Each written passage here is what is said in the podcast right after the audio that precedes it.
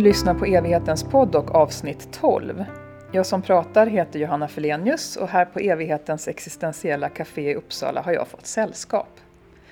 Dagens gäst är före detta IT-ingenjör och sedan ett år tillbaka ägnar han sig helt och hållet åt sin passion och det han ser som sin livsuppgift, nämligen medvetandeutveckling.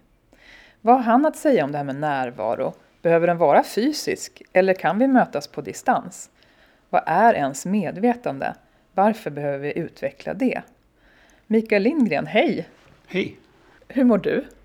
Jag mår bra. Nej, jag mår fantastiskt. Jag tycker att alternativet är mycket sämre.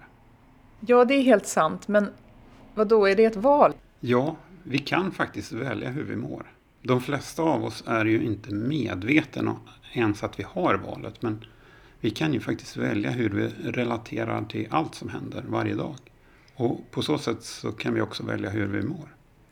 Vi kommer komma in på det här med medvetande senare i samtalet, men det där kan ju låta lite provocerande att höra för någon som mår skit.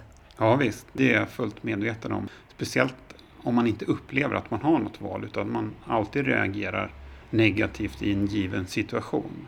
Man kanske till och med till exempel reagerar negativt på vädret. Jag menar just nu har vi inte världens roligaste väder ute. Det är grått och tråkigt.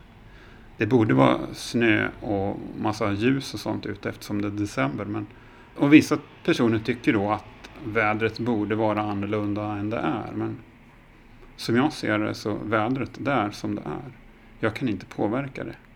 Jag kan bara välja vad jag tycker om vädret. Men jag tycker det är så skönt att höra för att jag tycker att det känns som att det är så många som mår så dåligt nu, som har så lite energi, att livsutrymmet har ju krympt, vi ska umgås med färre och färre människor. Därför är det så himla härligt med någon som bara, jag mår jättebra. Ja, men det är ingen som behöver må dåligt eftersom vi, vi faktiskt kan välja. Vi vet inte om att vi kan välja, men när vi väl blir medvetna om, om att vi kan välja så kan vi också välja att må bra i varje stund. Men betyder det här att du aldrig har mått jättedåligt själv? Jo, jag har visst mått dåligt själv. Precis som alla andra naturligtvis. Och det här att gå från att må dåligt till att må bra mest hela tiden. Det är ingenting som sker över en natt liksom, utan det är ju en process som har pågått under flera år. Mikael, vad är meningen med livet? Jag tror nog att de flesta som har en uppfattning om det har en olika uppfattning. Men som jag ser det, eller det jag har kommit fram till snarare, det är att den viktigaste meningen med livet, det är att det ska levas. Det låter väldigt värderingsfritt. Ja, jag har en tendens att inte värdera saker och ting. Därför att de värderingarna vi lägger på saker, det, det är egentligen sådana värderingar vi lägger på oss själva. Liksom. Om vi går tillbaka till vädret, om jag tycker att det är dåligt väder, ute just nu. Det påverkar inte vädret, det påverkar bara hur jag mår. Av den anledningen så jag har ingen, inget behov av att värdera saker längre. Det bara är som det är. Men hur kan du, alltså hur ser balansen ut mellan att vara en kännande människa? Jag menar det är vi ju och vi påverkas av vår omgivning och så kontra att liksom vara helt avstängd och opåverkbar eller vad man ska säga. Ja, fast det handlar inte om att vara avstängd. Det handlar egentligen om, om att acceptera eller låta saker vara precis som det är. Inte lägga energi på det vi inte kan påverka. Apropå din inledande fråga där om meningen med livet så har jag också sett att det verkar som att meningen med livet är också att vi ska skapa saker och vi ska lära oss saker. För det är det som alla människor gör. Vi lär oss hela tiden varje dag. Jag tror nog att de flesta människor kan skriva under med att någonting litet lär man sig varje dag. Och dessutom det här med att skapa. Jag menar, vi skapar ju saker hela tiden. Vi skapar upplevelser. Vi skapar eh, arbetstillfällen för oss själva eller andra. Vi skapar nya fantastiska uppfinningar. Eller vi, vi bara skapar relationer med andra människor. Är det någonting som är gemensamt för alla människor så är det nog att vi vill skapa saker.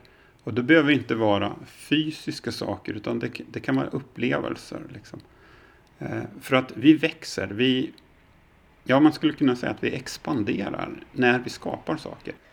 Du utbildade dig till IT-ingenjör och så jobbade du som det till och från i nästan 30 års tid. Vad tänker du nu om de här åren? Ja, det var en väldigt lärorik period. På många sätt. Eftersom jag jobbade mestadels med programutveckling så var det också en, en period där jag verkligen fick utlopp för min kreativitet. Alltså man skapar programvara till en dator. Man skapar lösningar som underlättar för andra människor att göra sitt jobb. Oavsett om det handlar om telefonisystem eller om, om det handlar om programvara för att bygga vägar. Det är, så jag tyckte det var väldigt eh, intressant och väldigt tillfredsställande att jag fick en praktisk eh, nytta. Så började du meditera. Hur kommer det sig? Det började som ett litet andligt intresse från början. Ja, egentligen så började det ju, jag tror det var 2002 var det nog. Då såg jag en film som lite grann förändrade mitt liv. Och det var kanske lite otippat filmen The Matrix. Det är ingenting som man tycker i första hand är andligt utan det är mer en actionfilm. Men det den egentligen säger den filmen det är att den verkligheten som vi upplever den kanske inte är så som vi upplever. Det skulle kunna vara något annat. Den filmen skulle rent teoretiskt sett kunna vara en dokumentär. Jag kanske inte tänkte riktigt i de termerna just då, men... Men är det så att det har blivit liksom tydligt för dig i efterhand vilken stor påverkan den här filmen hade på dig? Ja, faktiskt. Det har blivit, det har blivit mer tydligt i efterhand.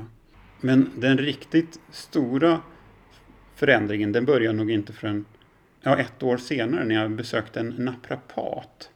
För jag hade lite, lite problem med min rygg så jag gick regelbundet hos en naprapat och efter ett antal besök hos henne så började vi prata om andlighet och intuition för hon hade vissa förmågor inom den sfären. Och vid något tillfälle så frågade hon mig, ska du byta jobb? Och jag svarade genast, nej det, det tror jag inte. Det, det finns nog inte på kartan för jag är ju delägare i ett företag. Så byta jobb, det, det, var inte ens att tänka på. Men sen något år senare, då slumpade det så, så att jag ändå bytte jobb. Så att hennes förmåga att se in i framtiden stämde. Något år senare så, så berättade hon också om förändringar på mitt dåvarande jobb. Saker som skulle hända ett och ett halvt år senare. Och det inträffade. Men när hon sa de här sakerna, trodde du på dem då så att säga? Ja, jag förkastar dem i alla fall inte. Senare så frågade hon om jag var intresserad av att gå en liten en endagskurs som hon kallade introduktion i intuition.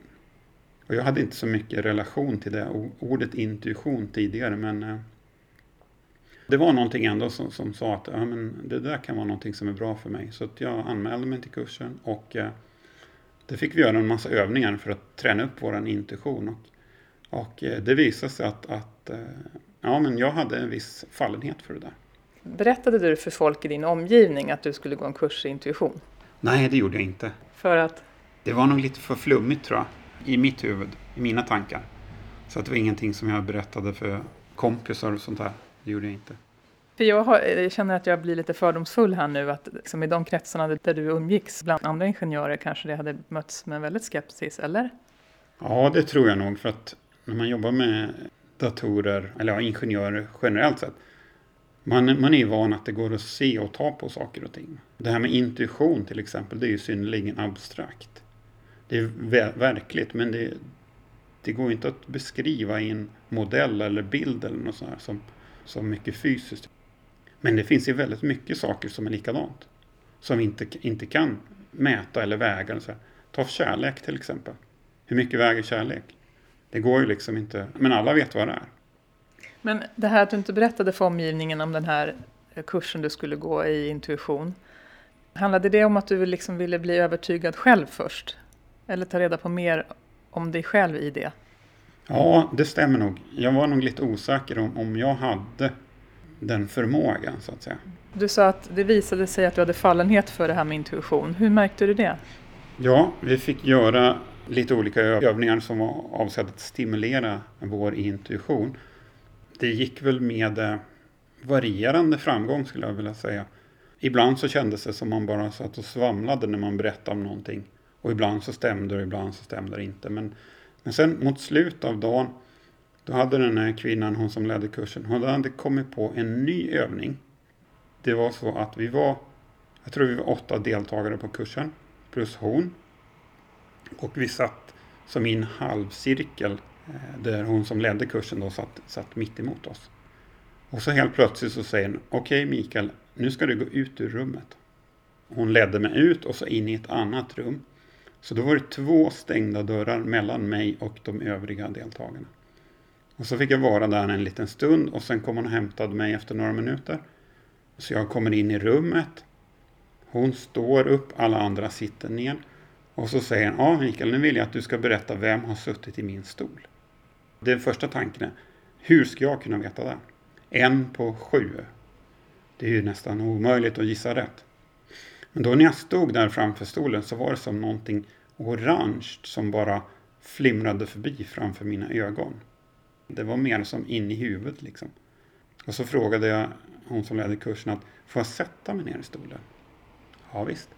Och direkt jag satte mig ner i stolen då visste jag vem som hade suttit där. Och det var mycket riktigt också den enda personen som hade orangea kläder på sig. Jag bara visste det. Jag kan inte än idag förklara riktigt hur jag visste det, men jag bara visste det. Och hur var det att uppleva det här? Ja, det var nästan lite overkligt. De andra var nog mer imponerade än vad jag var. På något sätt så, så var det både overkligt och väldigt självklart. Liksom. Jag började ju inse att, att jag också hade intuitiva förmågor. Liksom. Var det i den här vevan som du började meditera? Eller hur gick det till? Ja, började, började meditera lite grann, men det var ganska sporadiskt. Det satte egentligen inte igång på allvar förrän jag 2014 bestämde mig för att säga upp mig från min dåvarande anställning och starta eget. Jag ville jobba med att hjälpa människor eh, ur deras eget lidande på något sätt. Men hur kunde du våga göra det? Säga upp dig och skifta helt? Det vet jag faktiskt inte. Det var bara någonting som kändes som någonting som jag måste göra. Men jag visste inte riktigt exakt vad eller hur jag skulle göra när de här idéerna började dyka upp. Men så småningom så, så hittade jag mindfulness. Och det kändes som, då som någonting som jag skulle jobba med. Så jag började lära mig allt jag kunde om mindfulness. Och det var också i den vevan som jag började att meditera regelbundet. Första tio minuter varje dag körde jag. Eftersom det är det som rekommenderas inom mindfulness. Alltså meditation och mindfulness tänker jag att det går ut mycket på att vara närvarande i, i nuet. Vad handlar närvaro om enligt dig? Närvaro, det är nog att inte låta sig distraheras hela tiden. Att eh, ha uppmärksamheten här och nu. Man är helt enkelt uppmärksam på vad som händer här och nu. Både i det yttre men också i det inre. Alltså tankemässigt, känslomässigt, upplevelsemässigt. Men om det är någon som lyssnar nu och som aldrig har mediterat egentligen och som blir sugen, hur kan man liksom börja? Måste man gå en kurs och måste man sitta i tre dygn i sträck och man kanske har småbarn och ska laga en middag och sådär. Hur kan man börja? Det bästa sättet att meditera det är om man inte vet hur man gör. Och dessutom föreställer sig att man inte kan veta. Man kan inte lära sig hur man gör. För det är som att kroppen kan det här naturligt. Om man bara låter den göra det. Liksom. Jag lär i och för sig ut en teknik, en meditationsteknik som jag har lärt mig av min lärare. Och den består egentligen bara av två meningar.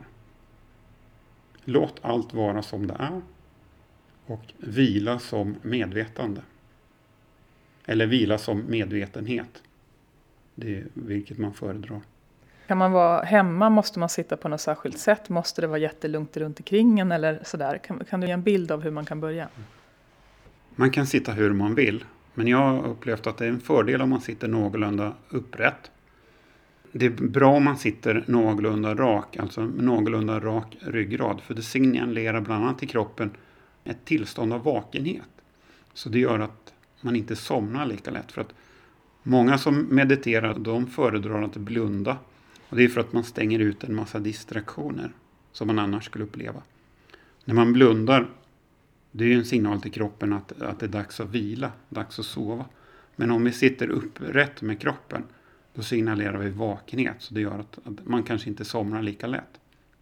Den vanligaste uppfattningen är nog att meditation är någonting man gör.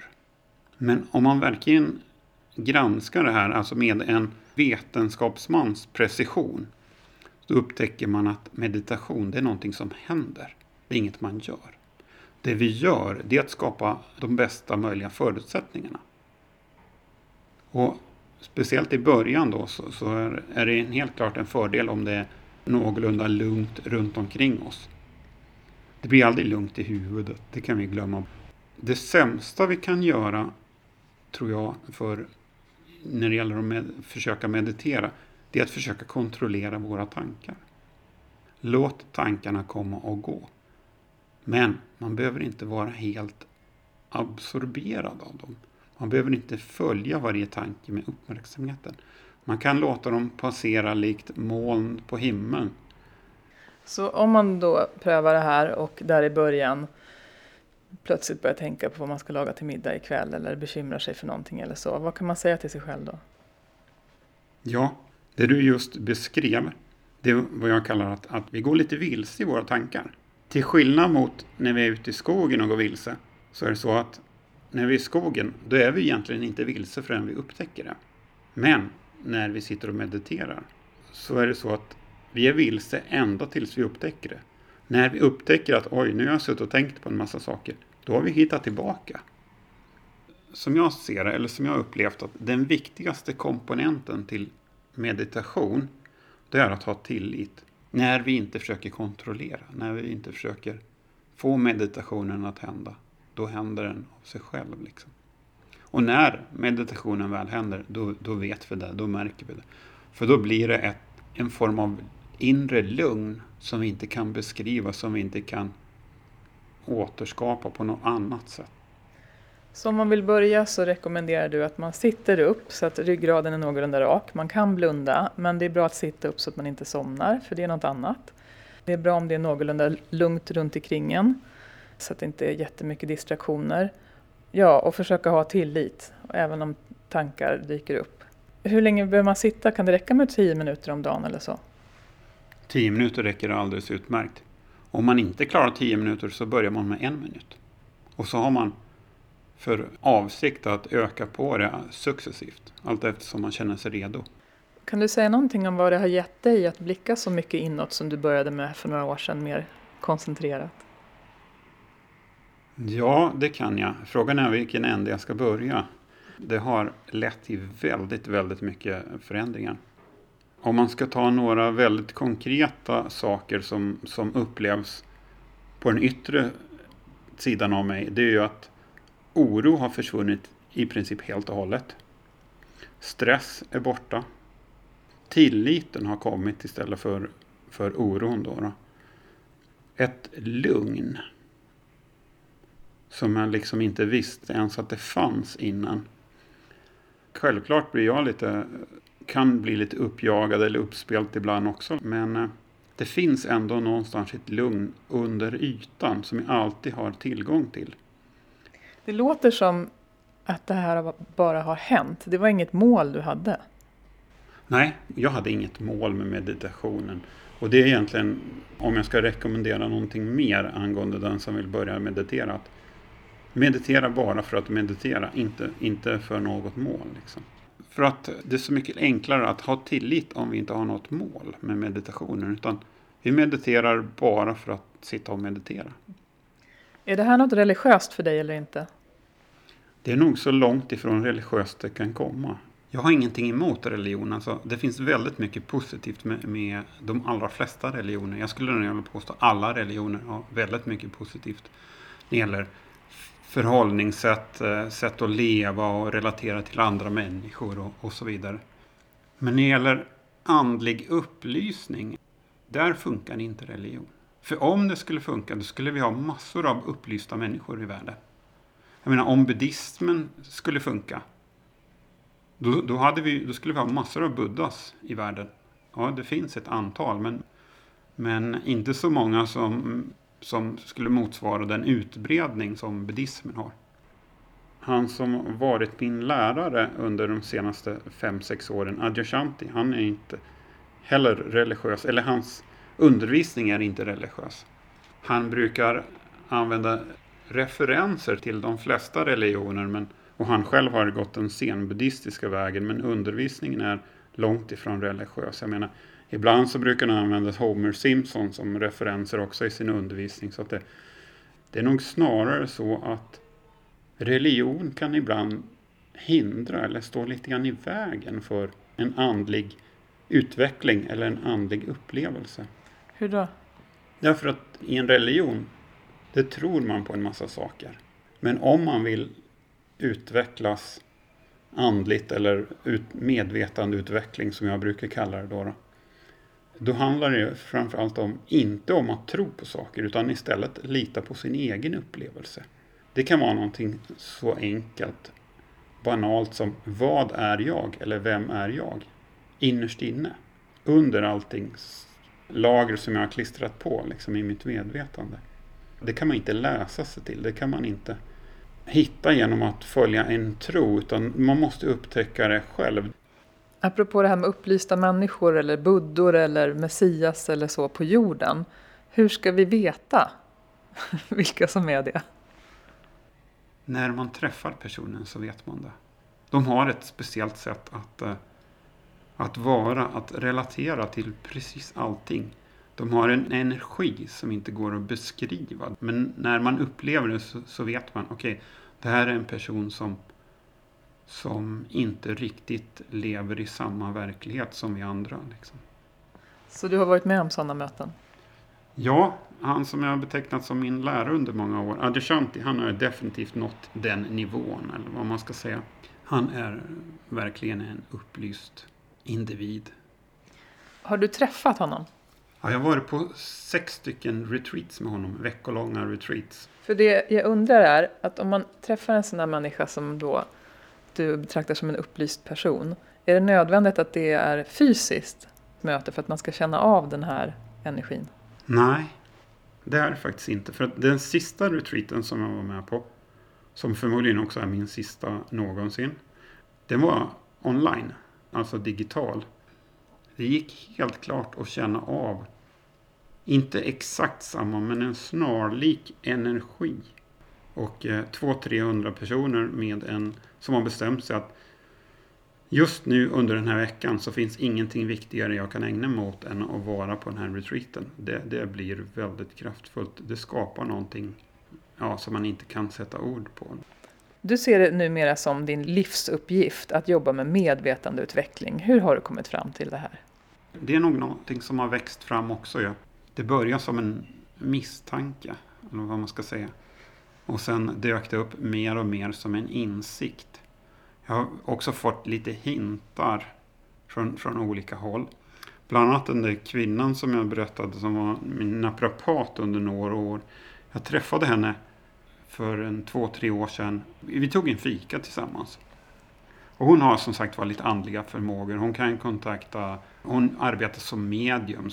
Och eh, vid det tillfället så sa hon Mikael, du ska hålla retreat. Ja, men det låter ju inte helt orimligt. Men jag visste inte när eller var eller hur. Liksom. Och det har inte hänt, men jag är ganska säker på att det kommer hända till sommaren. Och det, det fungerade ju lite grann som att öppna ögonen för mig på något sätt att ja, men jag kanske ska ägna mig åt det här. Jag kanske ska ägna mig åt att lära andra det som jag har lärt mig. Kan du säga någonting om vad menar du med medvetandeutveckling? Alla människor föds med ett fullt fungerande medvetande från första dagen. Det som skiljer det är ju hur vi upplever verkligheten, hur vi upplever det som händer runt omkring oss. Och det där i utvecklingen sker. Om man tar ett spädbarn till exempel. Det upplever ju inte sig själv. Det har in, inte någon som helst uppfattning om någon separation överhuvudtaget utan allting som den upplever är bara en enda stor helhet. Liksom. Och sen när vi växer upp, börjar få ett språk och bland det första vi lär oss det är vårt namn. Det är mamma och pappa och så vårt eget namn. Och så börjar vi känna igen oss i, i själva spegeln. Och då skapar vi en känsla av mig själv. En, en känsla av ett jag. Språket leder ju också till att vi börjar dela in världen i, i saker. Liksom. Det är stol och bord och det, det är fågel och innan så hängde ju allting ihop. Och jag, jag är ganska benägen att påstå att vår första initiala upplevelse det var mera korrekt. Att allting hänger ihop. Men eftersom medvetandet utvecklas i den här fasen eller den här vägen så är det ju någonting som vi bevisligen måste gå igenom. För när vi utvecklar språket så gör vi också om vår upplevelse till ord eller till eh, koncept, modeller, bilder. Man brukar säga att när ett barn lär sig att det heter fågel så från och med den dagen så ser den inte fågeln något mer. Utan den ser ordet fågel. Så att då, då, då får vi liksom etiketten fågel att sätta på just den upplevelsen. Och sen i takt med att vi växer upp så blir den här känslan av ett en jag själv, av en individ, den blir allt starkare och starkare. Och sen börjar vi lägga på en massa historier om oss själva. Massa berättelser om jag är en pojke. Eh, jag är eh, snäll eller busig. Eller det, det får vi ju från andra liksom. Det är inget fel med de historierna heller. Det som är lite olyckligt är att vi tror på de här historierna. Vi tar dem på allvar. Så det blir en del av vår identitet. Liksom. Ju äldre vi blir desto fler historier om oss själva samlar vi på oss. Det blir liksom lager på lager. Och då har vi kommit till en medvetande nivå som man ofta brukar kalla för egot. Egots medvetandenivå helt enkelt. Och det, det är väl någonstans när vi når upp i vuxen ålder. Det som är lite olyckligt är att här stannar vår medvetandeutveckling. Många människor, eller de flesta människor, stannar på den här nivån. Vad är det som gör att du tycker att det är olyckligt? Ja, det är inte så mycket en åsikt egentligen, någonting jag tycker. Men det räcker ju bara att titta på omvärlden, hur den ser ut. Okej, det finns en hel del bra i världen, men det finns sånt som är mindre bra eller mindre, mindre gynnsamt för, för eh, jordens utveckling. Vi är väldigt duktiga på att förstöra den planeten vi lever på just nu. Det, det är ingen snack om saken. Liksom. Och, eh, vi har skapat vår omvärld. Och allting som vi människor skapar, det börjar alltid med en tanke. Och den tanken den kommer ju från den medvetandenivå vi befinner oss. Så om vi ska förändra världen, om vi ska förändra vår omvärld, då måste vi befinna oss på en annan medvetandenivå. Annars kommer vi bara skapa samma sak om och om igen. Vad tänker du att en ökad medvetandeutveckling hos ett stort antal individer kan leda till? Ja, innan jag svarar på den frågan så skulle jag gärna vilja citera Albert Einstein. Han sa, han är inte den enda som har sagt det här. Man kan inte lösa ett problem ifrån samma medvetandenivå som den är skapad. Så det är liksom en anledning som jag ser att människor behöver någon form av medvetandeutveckling. Och jag tror att vi måste komma till en nivå där vi är viktigare än jag. Och med vi, då menar jag allt.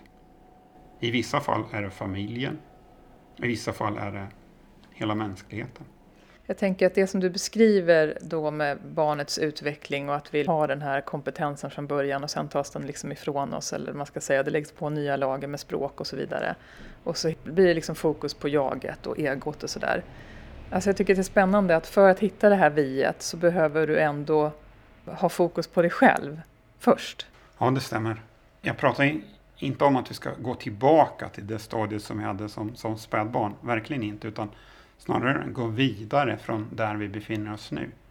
Egentligen öppna upp till ett annat perspektiv, en annan syn på verkligheten, en annan syn på omvärlden. Det gör att vi ser saker på ett annat sätt, vi upplever saker på ett annat sätt. Vi tänker i andra banor. Och det är där den stora förändringen sker. Liksom. Men kan du beskriva någonting om på vad sätt har det berikat ditt liv att utveckla ditt medvetande? Det, det där var en svår fråga eftersom jag tänker inte så mycket i de termerna ens en gång. Från början var, det, var jag intresserad av det här med andlighet för att på något sätt ta mig ur mitt eget lidande som jag hade upptäckt. Då. Men eh, det var länge sedan det var huvudsyftet. Utan nu är det mer att eh, min egen personliga utveckling, det är mitt sätt att hjälpa världen. Inte för att jag vill lyfta upp mig och sätta mig på någon pedestal eller så här, men vi människor, vi har ju en tendens, vårt beteende har ju en tendens att smitta av sig på andra. Så om jag kan agera, relatera från en annan plats inom mig själv, en lite lugnare, lite mera kärleksfull, lite mindre egoistisk plats inom mig själv. Då kommer ju människor i min omgivning att påverkas. Det har jag redan noterat bland mina kompisar, bland mina vänner, att, att man blir påverkade utan att jag säger någonting. Du menar att det här att ägna dig åt medvetandeutveckling, det är ingenting som du har valt? Hur menar du då? Nej, det kändes som att det fanns där från början. Liksom. Jag var inte medveten om det från början, men, men det fanns nog där från början. Och eh, det viktigaste när det gäller min egen medvetandeutveckling, det var nog insikten om att den enda personen som jag faktiskt kan förändra, det är mig själv. Jag har försökt förändra andra när jag kom till en massa insikter, men till slut så förstod jag att nej men jag kan bara förändra mig. Och om jag vill förändra världen, då måste jag förändra mig själv. Mitt sätt att relatera till omvärlden. För det bästa sättet att, att förändra världen, det är att vara den förändring som jag vill se. Och det var så jag började. Jag tog ett principbeslut för, för några år sedan att från och med nu så ska jag utefter bästa förmåga, om än väldigt mänskligt och väldigt ofullkomligt. Men ingenting är, eh, i den här världen är perfekt, allra minst människan.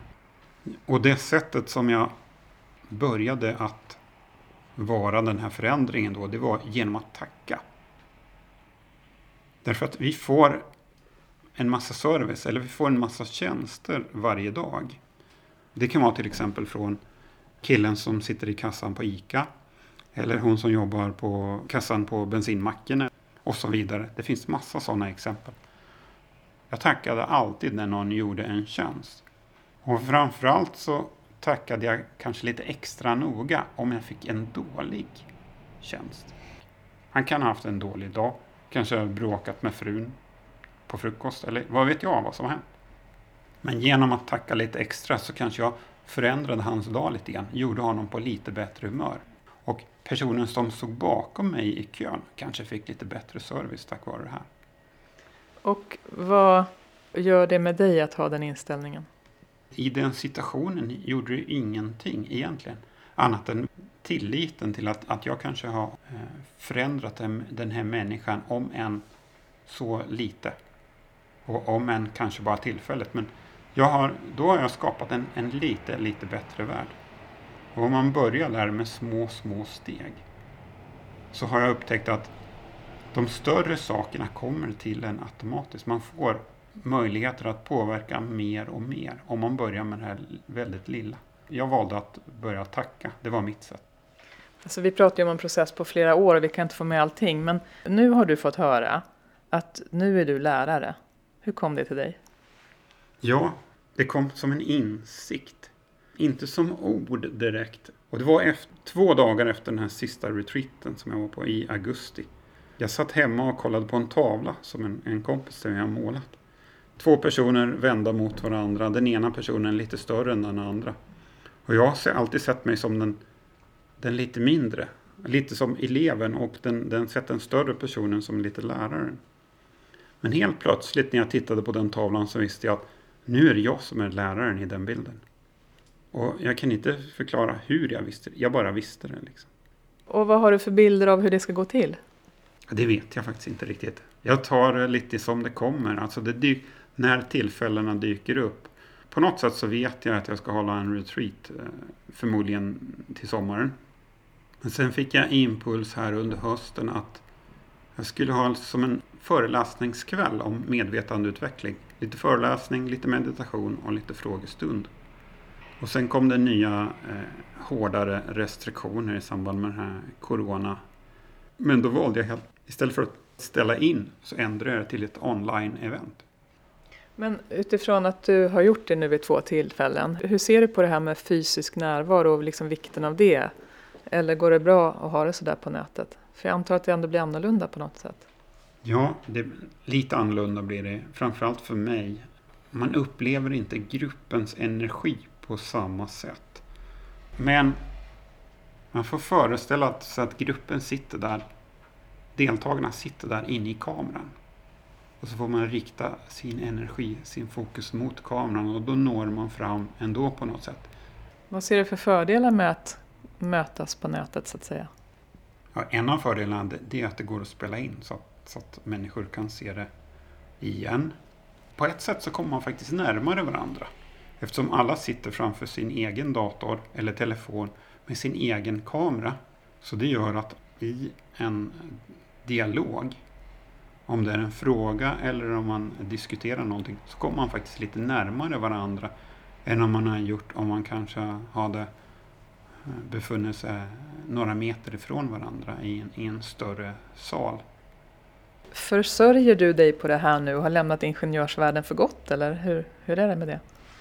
Ja, ingenjörsvärlden har jag lämnat för gott. Det, det, gjorde jag för ett år sedan ungefär.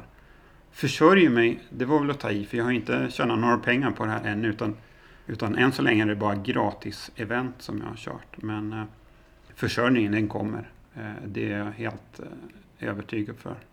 I ditt nya liv nu, vad av Mikael Ingenjören har du nytta av i den andliga världen? Ganska mycket tror jag. Det finns en hel del paralleller. Jag pratade tidigare om kreativiteten. Den är ju samma här också. För att hålla på med någon form av andlig eller personlig utveckling så måste man ju ha bejaka sin kreativa sida. Man måste bejaka nyfikenheten framför allt. Man måste också bejaka en förutsättningslöshet. Att man inte tror att man vet hur saker är på förhand. Liksom. Utan man ser varje situation, varje tillfälle helt nytt, helt fräscht. Men sen har jag också det där att, att ingenjörens noggrannhet mm, och kvalitetsmedvetenhet när man sitter i en meditation och upplever saker, att verkligen granska det där med samma precision som en ingenjör eller en vetenskapsman skulle ha. Liksom. I den här processen så har jag också upplevt att, eller upptäckt att känsligheten på medvetandet ökar. Man, blir, alltså man kan bli medveten om mer och mer subtila saker som pågår i, i vår egen upplevelse. Men också, vad ska man säga, översikten, eller perspektivet blir större. Det här är någonting som jag hade med, haft med mig väldigt mycket från när jag jobbade med programutveckling. Jag har nog alltid haft en förmåga till vad man på svenska kallar för helikopterperspektiv. Att kunna se saker i ett större sammanhang. Eh, och det, det har jag också haft väldigt mycket nytta av inom andligheten. Liksom att se sambanden mellan till exempel andlighet och, och viss forskning och, och sådana grejer. Är helheten större än summan av delarna? Ja, det är det verkligen. Nu pratar jag bara från min egen upplevelse och det gör jag alltid när jag undervisar. Det finns en intelligens i helheten som inte går att finna i, i de enskilda delarna på något sätt. I min egen upplevelse finns också en kärlek i helheten som inte går att finna i de enskilda delarna. I helheten finns en form av villkorslös kärlek som inte, inte riktigt går att, att hitta på samma sätt i, i de enskilda delarna. Jag får en bild av att du har väldigt mycket tillit. Stämmer det? Ja, det har faktiskt kommit på senare år väldigt mycket. I samband med att kontrollbehovet har försvunnit. En sak som har hänt det senaste kanske en, två åren, det är att den egna viljan har försvunnit nästan helt och hållet. Alltså drivet, personliga viljan. Och I början så var det en, en tomhet, en vilsenhet, när det där inte längre fanns, när det inte fungerade som tidigare. Men med tiden så har det ersatts av någonting annat. Ett annat sätt att navigera i världen. Det är mer så att man gör det som, som känns mest uppenbart att göra just nu bara. Och det här har ju byggt en tilliten. Liksom. Jag har insett att jag behöver inte kontrollera allting utan det, saker och ting löser sig av sig själv. Och hur är det att eh, leva så? Det är väldigt lugnt, väldigt avspänt. Tidigare så var det ju en strävan efter någonting hela tiden. Liksom man ville uppnå någonting, man hade ett mål med saker man gjorde. Numera är det mer som att jag gör saker för att de ska göras och jag vet inte alltid vad det leder till i slutändan. Men jag vet att det leder till det bästa. Vad har du för tankar om livet efter detta, om några? Inte så jättemycket tankar, men jag har kommit fram till att det finns någonting inom oss som är konstant. Någonting som har funnits, som fanns där innan vi föddes. Som definitivt finns kvar efter att vi dör. Det är inte den delen av oss som är rädd för att dö. För den delen kommer definitivt att försvinna. Det är mer det jag pratar om egot och våra egna tankar och, och, idéer och sånt där. Den delen kommer definitivt att försvinna när kroppen tycker att, att vi är klara med det här livet. Det finns någonting som jag inte riktigt kan sätta ord på som fortsätter, som lever vidare. Det är en sak som är säker. Hur vill du själv bli ihågkommen när du inte finns kvar på jorden längre? Jag vet inte ens om jag har någon uppfattning om hur jag vill bli ihågkommen. Du är ju förbi det här med egot nu. ja, inte, inte helt förbi. Jag har ju fortfarande e- ett ego kvar. Men det är betydligt mindre, betydligt lättare än, än det var för några år sedan. Så att om det skulle vara, bli ihågkommen på något sätt då, så skulle det vara som en, en person som på något sätt bidrog till en bättre värld bidrog till mänsklighetens medvetandeutveckling på något sätt. Hur, när, var och varför, det har jag ingen som helst uppfattning om.